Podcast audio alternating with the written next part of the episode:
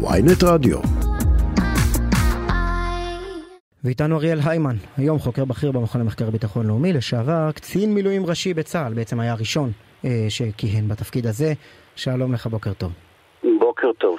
אז הנה השאלה שלך, ששאלת את שני האלופים ולא ממש קיבלת תשובה, הנה, הנה עכשיו, זה האדם לשאול אותו, קצין מילואים ראשי, האם אתה תומך באי התנדבות למילואים? האם בעיניך זה לא כוח שאחר כך יעשה בו שימוש על ידי קבוצות לחץ שונות? והאם זה לא מפרק את צה"ל?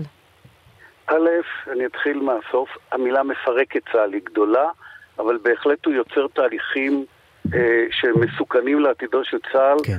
ואם תרצו נדבר על זה אחר כך הן בטווח הקצר, וזה הכשירות והמיידית, ובעיקר, ובעיניי זה מה שמסוכן לטווח הארוך. אבל לגבי הלגיטימיות, אה, האמירה של אנשי המילואים, שאני אישית אה, תומך בה, אומרת, אנחנו שירתנו וחיים אה, במדינה שבה אה, אנחנו שירתנו ממשלות שהתנגדנו, ואני חוזר ואומר בהרבה מאוד מקומות שאני נתתי פקודות לחייליי כקצין מילואים, כקצין בכיר במילואים כשהייתי מג"ד ומח"ט במילואים, של ממשלה שלא הסכמתי לגישתה, אבל הייתה אז אמירה ותחושה שהממשלה היא לגיטימית, הממשלה פועלת בהיגיון, ולכן גם אם אתה לא מרוצה, תן את הפקודות האלה. נתתי אותם גם כשלא הייתי מרוצה מהם.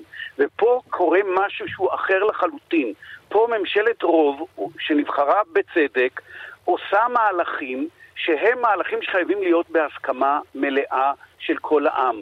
זה לא החלטה על אה, אה, התנחלות כזו או אחרת, זה שינוי כללי המשחק. כן, אז אתה אומר, אתה אומר אם בממשלה הקודמת למשל, שרצו להעביר את חוק הנאשם, שזה קליר לי שינוי כללי המשחק תוך כדי המשחק, רצו להעביר, היו מכריזים שורה של קצינים בכירים ושורה של אנשי מילואים שמסרבים להתייצב בגלל חקיקה כזאת, כוונה לחקיקה כזאת בכנסת, היה צריך לגבות אותם כי הממשלה הפרה את החוזה נגדם ומשנה את כללי המשחק תוך כדי המשחק.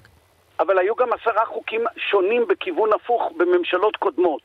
אני חושב שיש הבדל גדול בין חוק הנאשם והחוק הזה והחוק הזה לבין שינוי כללי המשחק. אני גם זה חושב. לא זה, חוק כזה רגע, או רגע, אחר. חוק הנאשם אומר שלמרות שהחוק הנוכחי מאפשר לנאשם לכהן כראש ממשלה, לשנות את החוק כך שלא יאפשר. זה שינוי עם אימא של שינוי כללי המשחק תוך כדי המשחק. אף אחד לא חלם לגבות סרבנות בעקבות הדבר הזה. זה תראה, חוק אני- נקודתי, אני- הוא לא חלק מתוכנית, ושתיים, הוא לא חל על ראש הממשלה, ב- זה בעיניים תזכור. שלי, שוב, בעיניים שלי תזכור, הוא לא כאזרח- שינה את, זה לא כמו חוק טבריה שהוא חל, הם אמרו שהוא לא יחול על ראש הממשלה הם נתניהו. אמרו שהוא יחול בעתיד, זאת אומרת, ושתיים, אף לחסום את אחד. לא התקדם עם החקיקה. הזו. אף אחד לא התקדם, היו שם שני כי שרים הם לא שמנעו הצליחו את זה. טכנית.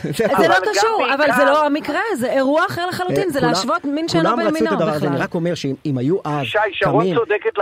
אם היו אז זה- קמים קצינים ואומרים, "משתח- ראינו את שמעון ריקלין בטלוויזיה, אז השתכנענו." למה לא תגיד את זה על קרן זה הארנונה? גם לא עשו היינו- את זה על קרן הארנונה. היינו כולנו אומרים להם, חברים לא עשו התחרפנתם, תחזרו ולא על למדריכם חוק טבריה, הטבעיים. צה"ל לא. יכול ולא צריך להיות, צבא המילואים לא יכול ולא צריך להיות גורם שמשפיע על- על על המדיניות של הממשלה ומכופף אותה למדיניות אחרת ממה שהאזרחים בחרו. לא, מערך המילואים לא צריך להיות דבר כזה, אתה צודק, אבל צריך לעשות סיפה. לא במדינה שמשנה תוך כדי הליכה בעקבות רוב, שהוא בעב, אנחנו הרי יודעים היום בכל המשאלים שהרוב הזה הוא גם לא רוב.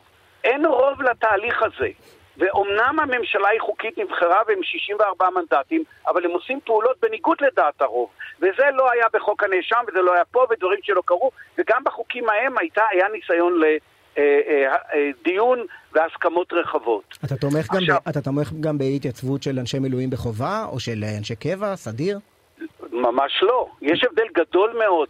אני חושב שאלה שמה שאלה שמדברים עכשיו, העשרת אלפים והאלף חמש מאות מחיל אוויר, או קצת פחות, הם אומרים אנחנו לא נתנדב, ויש הבדל גדול לא, לא, רגע, מאוד רגע, בין לא רק- רק להתנדב. תיקון קטן, זה לא מדויק ברמה העובדתית. זאת אומרת, כבר יש בתוך האירוע אנשים שהם אה, לא רק מתנדבים. אני, אני אני, מכיר אני לא חלק מהם. מכיר אותם, ויש הבדל גדול בעיניי בין אי התנדבות לבין סרבנות. זה הבדל דרמטי. אבל למה בעצם? אם אתה אומר שכל ה, ההבדל הוא שהממשלה משנה את כללי המשחק, ו- ואנשים האלה זכותם ל- להגיד, חברים, זו לא המדינה שהתחייבנו לשרת. למה לעשות את. ההבחנה אדם- בין אדם מתנדבים בקבע, אדם לסרב- בקבע. ל- לשירות אפילו סדיר? מאה אחוז, אדם בקבע שזה מקום עבודתו יכול להודיע למעבידו, אני מבקש לסיים את תפקידי. אבל הוא לא יכול לקום וללכת ולעזוב. זה הבדל גדול מאוד בעיניי. יש הבדל בין אי התנדבות לבין סירוב פקודה על פי חוק. ואדם שעובד בצבא הקבע לא יכול עכשיו לקום וללכת. אבל מותר לו לעזוב את לבקש הארגון, להתיר את החוזה, כן. כמו ש- כמו שאם אתה לא מרוצה מוויינט, אתה יכול לקום וללכת.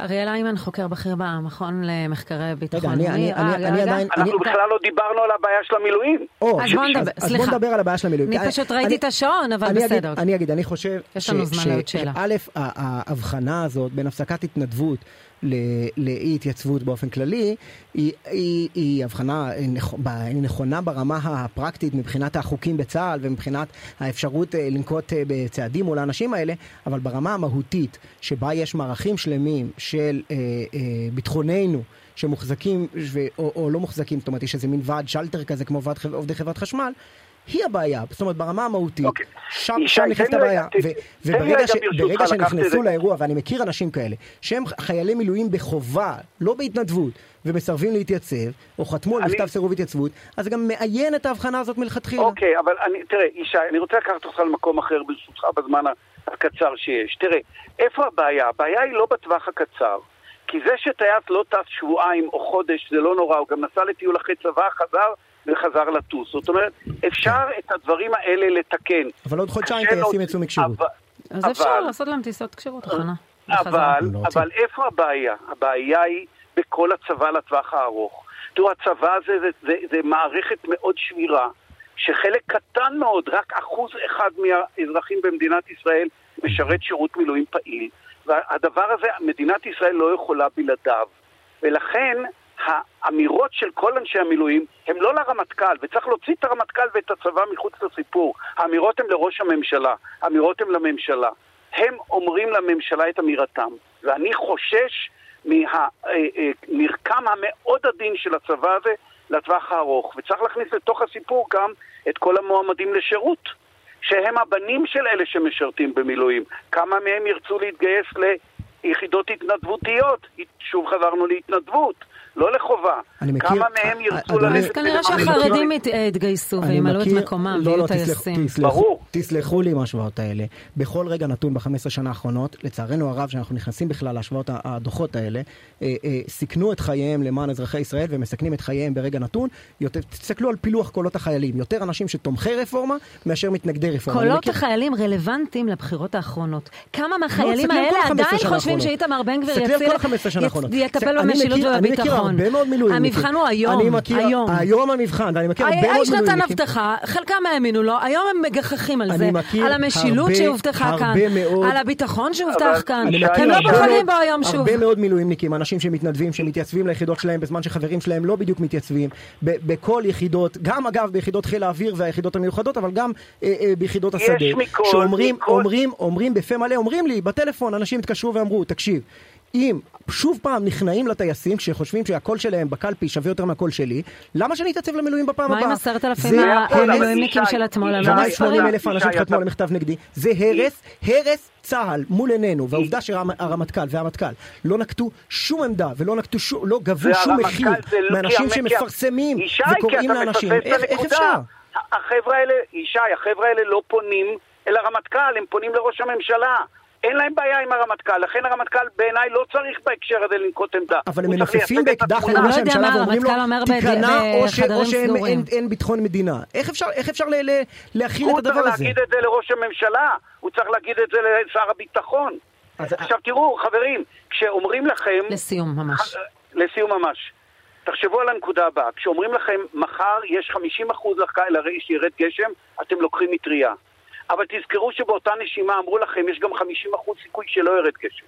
כלומר, כל אלה שצועקים כמוכם, כמו ישי בהקשר הזה, תראו, רוב העם, רוב העם. תזכרו שיש אולי רוב עם היום שהוא נגד כל המהלכים האלה, וכל מה שאומרים כולם, כולל גדי שמני וחבריו שכתבו את המכתב ל, אה, לראש הממשלה ושר הביטחון, תעצרו, מה קרה? זה, זה, זה SOS? האויב על הגדרות? כמו שעצרו, כמו שעצרו. מהלכים שנויים במחלוקת בכל הממשלות אנחנו. חייבים לסיים. איך אפשר ל- אריאל להגיע איימן, לשיח חוקר? בכיר במכון למחקרי ביטחון לאומי, לשעבר קצין מילואים ראשי, תודה רבה לך על השיחה.